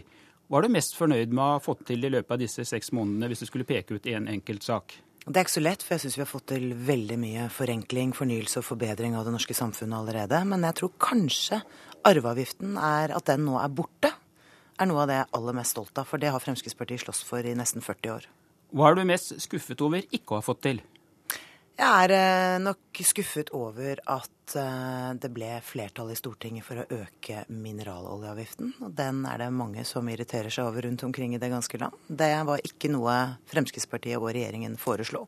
Men det ble et resultat av forliket ja. i Stortinget. Ja, for Det må jo være litt spesielt for deg. Etter å ha slåss mot høyere bensinpriser i 40 år, så må dere altså øke drivstoffavgiften eller mineraloljeavgiften med 52 øre per liter. Ja, bare for å rydde opp i en misforståelse. Vi har altså ikke ikke økt eh, bensin- og dieselavgiften. Nei, dere har økt på anleggsdiesel. Ja, Mineraloljeavgiften ble økt eh, som en eh, følge av forhandlinger med Kristelig Folkeparti og Venstre i Stortinget, men det var ikke regjeringens ønske. Og som ga deg 650 millioner i ekstra skattekroner. Som, som, KrF og Venstre ville bruke på mange andre formål, ja. Men regjeringen la også frem tidenes skattelette. Vi la frem skattelettelser på over 7000 millioner kroner. Eh, det er mer enn noen annen regjering noensinne har klart på like kort tid, så det er jeg ganske fornøyd med, faktisk. I Dagsrevyen i går presenterte NRK en meningsmåling som viser at 79% av FrPs velgere sier nei til at kommunene skal ta et større ansvar for å få bosatt flyktningene. Likestillingsminister Solveig Horne fra Fremskrittspartiet har bedt kommunene bli med på en dugnad for å gi flyktningene et sted å bo. Hvilke virkemidler vil du nå bruke for å få dine lokale Frp-politikere rundt om i kommunene til å ta imot flere flyktninger? Dette er en uh, hodepine, rett og slett fordi vi har arvet et problem fra den eh, rød-grønne uh, regjeringen, som tok imot flere flyktninger til Norge enn det var mulig å bosette i kommunene. Vi ønsker ikke å bruke tvang overfor kommunene. Det må være sånn at hver enkelt kommune selv vurderer om de har kapasitet og mulighet til å bosette flyktninger. Så dette er en utfordring som vi har arvet, men som vi er nødt til å finne et svar på. Og det handler jo om to ting. Det ene er at regjeringen er opptatt av å føre en god integreringspolitikk for de menneskene som får lovlig opphold i Norge. Det andre er, og det er jeg også veldig stolt av at vi får til nå, vi øker uttransporteringen av mennesker som ikke har lovlig opphold i Norge, med rekordfart. Jo, men disse 5000 skal jo da ikke transporteres ut. De har fått lovlig opphold, og uansett hvem som har skylda, så er det dere som nå sitter med ansvaret. hva vil dere gjøre hvis kommunene sier nei? Denne utfordringen jobber jo nå Solveig Horne med for å finne et svar på. Det handler om å være i dialog med kommunene rundt omkring i landet. Og jeg har stor forståelse for at det er betydelig skepsis kanskje i en del mindre kommuner. Eh, mens andre kommuner som har eh, bedre kapasitet, nok også tar sin del av, eh, av dette. Det hjelper vel ikke flyktninger hvis du bare sier du har stor forståelse. Må du ikke gjøre noe konkret for å si til kommunen at dere må faktisk være med på denne dugnaden som likestillingsministeren har bedt om? Det er dessverre sånn at mange mennesker som har kommet til Norge, har sittet lenge i norske asylmottak, også før denne regjeringen tiltrådte. Men Det handler om å finne, de, finne riktige svar. Men vi ønsker ikke å bruke tvang overfor kommunene. Hver enkelt kommune må selv avgjøre dette, og da må vi gå i dialog med dem for å finne ut hvordan vi kan løse utfordringen. Dere er jo ikke akkurat kjent for å bidra til, eller ønske flere flyktninger til landet. Føler at du møter deg litt selv i døra nå når du da skal, har ansvar for å plassere ut så mange tusen flyktninger som altså ikke har noe sted å bo, som bor på mottakene? Nei, vi møter oss på ingen måte i døren. For det vi snarere tvert imot har gjort, er at vi har økt eh, uttransporteringen av ulovlige eh, innvandrere med rekordtempo. Og i tillegg så har jo det medført at vi nå får færre eh, ankomster enn tidligere. Rett og slett fordi politikken virker.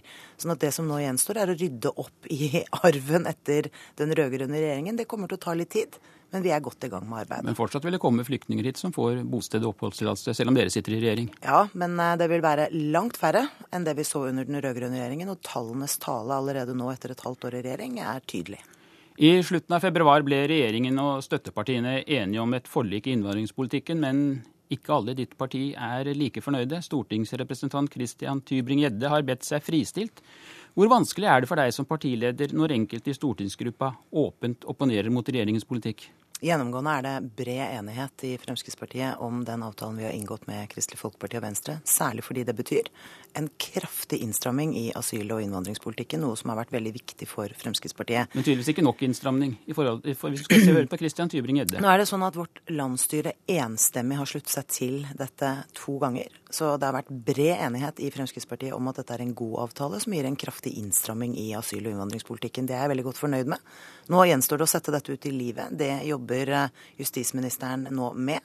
Eh, og bevisene kommer jo løpende, nemlig at vi nå får færre eh, som kommer til Norge. Rett og slett fordi politikken begynner å virke. Finansminister Siv Jensen, du er også i full gang med å snekre sammen statsbudsjettet for 2015 sammen med dine mange medarbeidere. Kan du her og nå love at folk flest kommer til å få skattelette neste år? Jeg tror ikke det er noen stor hemmelighet at eh, Fremskrittspartiet og Høyre-regjeringen ønsker å lette eh, skatte- og avgiftsbyrden for både husholdningene og eh, bedriftene. Det handler jo om at vi trenger konkurransedyktige rammebetingelser som gjør at den delen av industrien som har slitt gjennom veldig mange år, får bedre vilkår og kan trygge arbeidsplasser. Det er viktig. Eh, samtidig er det jo sånn at en del mennesker med lave og midlere inntekter vil få endene til å møtes hvis eh, skattebelastningen blir litt mindre. Så, men hvordan dette ser ut, det vet du at ikke jeg kommer til å fortelle før vi legger frem statsbudsjettet i oktober. Eh, men hvor mye mer av oljepengene mener du det er forsvarlig å bruke? Det er jo slik at vi tilpasser til det økonomien til enhver tid holder. Men vi kommer jo til å bruke mer oljepenger også neste år. Det må ingen lure på. Har du fått et litt annet syn på bruken av oljepenger nå enn da du satt i opposisjon? Nei. Jeg har akkurat det samme synet. Det er du helt sikker på? Ja, og det handler om at vi må tilpasse pengebruken til det økonomien til enhver tid tåler. Det gjorde også Fremskrittspartiets stortingsgruppe i opposisjon. Det var noen år vi brukte mer oljepenger, og det var andre år vi brukte mindre oljepenger, rett og slett fordi det var tilpasset det situasjonen eh, tilsa. Nå høres du forbausende lik ut finansminister som har sittet før deg.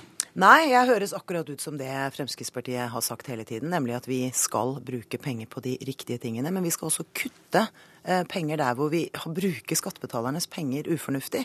Du må huske på at selv om vi bruker mye oljepenger over statsbudsjettet, så er det sånn at 90 av hver eneste krone vi, for, vi, fordeler over statsbudsjettet, det kommer fra deg og fra alle andre sine skatte- og avgiftsinntekter. Mm. Da skylder vi det norske folk å bruke deres penger på en ordentlig måte. Derfor må vi snu hver stein, se på om vi bruker pengene riktig, eller om vi kan frigjøre penger fra noen områder for å styrke helsevesenet, infrastrukturbyggingen, skolene, utdanningstilbudet, for å nevne noen viktige områder for denne regjeringen holde oss litt til til denne oljepengebruken og handlingsregelen, som altså fastsetter at 4% av oljefondet er en øvre grense for hvor mye penger som kan brukes hvert år. I virkeligheten ligger jo bruken i dag godt under denne 4 %-grensen. Og blant andre Venstre vil senke handlingsregelen til 3% er du, er du enig eller uenig i dette? Høyre- og Fremskrittspartiregjeringen holder fast ved den eh, ordningen som er i dag. Den er fleksibel. Eh, og gjøre det mulig å tilpasse pengebruken til eh, det norsk økonomi til enhver tid tåler. Og den fleksibiliteten må vi ha. Vi må huske på at eh, Grunnen til at dette nå er en debatt, er fordi at oljefondet har vokst med formidabel kraft gjennom mange år. Som gjør at det beløpet man beregner 4 av, blir større og større og større for hvert år som går. Det er jo bra, fordi det er det norske folk sparer penger. Men da handler det om at vi både forvalter de godt, sånn at vi får mer og mer penger inn i fondet fra hvert år eh, til et, en året til et annet. Så handler det om at vi skal bruke de fornuftig. Investere i verdiskaping, i bedre veier, i mer forskning og utvikling, for å nevne tre kjempeviktige områder som Norge trenger å satse på fremover. Skredder- og veverøkonomen er et begrep, begrep du kjenner godt, Siv Jensen? Ja, Det er i hvert fall et begrep min forgjenger brukte noen ganger. Ja, det var Carl I. Hagen som innførte denne betegnelsen. Hvordan har du selv opplevd ditt møte med Finansdepartementet? Jeg opplever Finansdepartementet som eh, profesjonelt. Eh, og De vet hvem det er som er sjefen, og det er den til enhver tid sittende statsråd. Men det er klart, deres jobb er jo å gi faglige råd. Min jobb er å skjære igjennom og si hvordan jeg vil ha det. Frp har eh, tidligere argumentert for å effektivisere og slanke forvaltningen. Hva vil du si etter et halvt år? Er det for mange ansatte i departementene? Ja, nå er ikke Finansdepartementet det største av departementene, men det vi har gått i gang med, er jo å gå gjennom alle etatene som jeg har ansvar for å administrere. Vi har jo nå offentliggjort at vi ønsker å gjøre en eh, endring i Toll- og avgiftsdirektoratet, for å nevne ett eksempel. Hvor vi vil overføre avgiftsdelen til skatteetaten og rendyrke tolletaten. Og det handler jo både om at vi ønsker å forenkle måten vi forvalter offentlig sektor på, men det handler også om en annen viktig ting, nemlig at vi trenger å styrke tollkontrollen i Norge. Det er altfor mye narkotika ja. som kommer inn over landets grenser, både fysisk over grensene og gjennom postforsendelser. Og det er et arbeid vi må gjøre noe med. Fordi det også handler om å gjøre folk tryggere i hverdagen. Men det blir kanskje ikke færre offentlig ansatte pga. den omorganiseringen? Nei, men du må huske på at Vi har jo sagt at vi skal gjøre flere ting. Det ene er at vi skal effektivisere driften av offentlig sektor, slik at vi bruker dine og mine skattepenger på en ordentlig måte. Samtidig har vi et uh, ansvar for å gjøre hverdagen tryggere for folk. Og jeg tror det er mange foreldre der ute som bekymrer seg litt når de ser omfanget av narkotika som kommer inn over landets grenser. Særlig kanskje noen av de nye stoffene. Syntetiske narkotiske stoffer som vi ikke kjenner godt nok enda, og som tollvesenet har ansvar for å avdekke. Eh, Siv Jensen, mens du taler budsjettbalanse og handlingsregel, så må vi vel kunne si at nestleder Per Sandberg snakker mer direkte til FrPs kjernevelgere. Før påske sa han at det må bli lov å spille poker i Norge. Er det en bevisst rollefordeling dette at du fremstår som den ansvarlige statsråden, mens Per Sandberg fronter de sakene som ofte blir forbundet med Frp? Og nå er jeg helt enig med Per Sandberg at vi må gjøre forenklinger når det gjelder pokerspill. Det er også regjeringens politikk, og kulturministeren er godt i gang med å forenkle dette. Men det er greit å ha Per Sandberg som nestleder, som snakker lett, rett fra levra til dine kjernevelgere? Jeg, jeg er veldig stolt av Per Sandberg. Han er en meget aktiv politiker. Jeg har sittet sammen med han på Stortinget så lenge jeg selv har vært aktiv politiker. Vi samarbeider veldig godt. Eh, og jeg mener han har en viktig rolle i å være tydelig på både å fortelle om alt det regjeringen gjør, og gi oss utålmodige spark i leggen, sånn at vi holder oss på tærne og jobber eh, hardt og, og, og, produktivt. Nå har du altså hatt et eh, halvt år eh, som statsråd. Hvilke bånd føler du at du må legge på deg nå når du er blitt statsråd, i forhold til at du bare var partileder og opposisjonspolitiker? Jeg må jo legge noen bånd på meg, fordi det handler jo f.eks. om at jeg ikke kan snakke om detaljene i det statsbudsjettet vi sitter og jobber med. Det er jo fristende mange ganger, ikke sant? fordi jeg vet jo eh, hvilke ting vi jobber med og som vi ønsker å presentere for befolkningen til høsten. Eh, det er en uh, uvant rolle, men eh, det er ikke verre enn at det er eh, håndterbart. Og jeg har lyst til å si at det å ha ført Fremskrittspartiet inn i regjering, det er jeg veldig stolt av. Det er et parti som er veldig stolt av at vi nå sitter i regjering for første gang, men vi er utålmodige. Vi vil ha ting gjort. Og av og til så tror jeg vi nok alle føler litt på frustrasjon over at ting tar litt lengre tid enn det vi hadde håpet på. Men så har du jo da fått eh, mer makt enn da du satt i opposisjon. Og mm. når skal du bruke denne makten til å kaste ut mulla Krekar? Det jobber jo justisministeren med. Det Fremskrittspartiet har sagt, er to ting. Det ene er at vi ønsker at han skal sitte i forvaring eh, i påvente av en uttransportering, og det gjør han. Men det virker som dere har litt større problemer med å få han ut nå enn det hørtes ut som da du satt i opposisjon? Nei, jeg sa også flere ganger da at eh, heller ikke Fremskrittspartiet ønsker å bryte eh, menneskerettighetene. Derfor så er det viktig at vi får på plass en forsvarlig utleveringsavtale, men i påvente av det så skal ikke mulla Krekar være en fri mann. Og han sitter altså nå bak lås og slå. Det er eh, tre og et halvt år igjen av denne valgperioden. Hvor store sjanser er det for at mulla Krekar er i landet når vi kommer til 2017? Eh, Jeg tror det er et spørsmål du bør adressere til justisministeren. Det er hans ansvarsområde. Du har hele tiden sagt at eh, Frp må bli målt på det partiet klarer å få til i regjering. Hvor sikker er du på at du om tre og et halvt år har færre bomstasjoner enn i dag, og at det er bygd veldig mye mer vei enn det vi gjorde de siste fire årene, slik dere jo har lovet? Vi har allerede færre bomstasjoner enn vi hadde da denne regjeringen tiltrådte. Så kommer det kanskje noen nye når vi får noen nye motorveier som åpner? Det er riktig. Og det er fordi Fremskrittspartiet er det eneste partiet som mener at vi kan bygge veier uten bompenger. Men da er det viktig at vi også gjør de andre tingene vi har sagt, nemlig at vi bygger veiene raskere, rimeligere og bedre enn før. Det handler om å legge ut større parseller av gangen, bygge mer sammenhengende frigjøre eh, ressurser, sånn at vi får f.eks. gjennom bompengeinnkrevingen at vi har færre selskaper i stedet for ett selskap rundt hvert prosjekt. Det handler om eh, å forenkle plan- og bygningslovgivningen, som også har vært et hinder. Det handler om å gjøre noe med antall innsigelser. Alle disse tingene jobber regjeringen med. Og allerede nå ser vi jo at det går fremover. Nå åpner vi f.eks. E18 gjennom Vestfold raskere enn noen trodde var mulig. Takk skal du ha for at du kom hit, Siv Jensen, og det var Politisk kvarter. Hør flere podkaster på nrk.no podkast.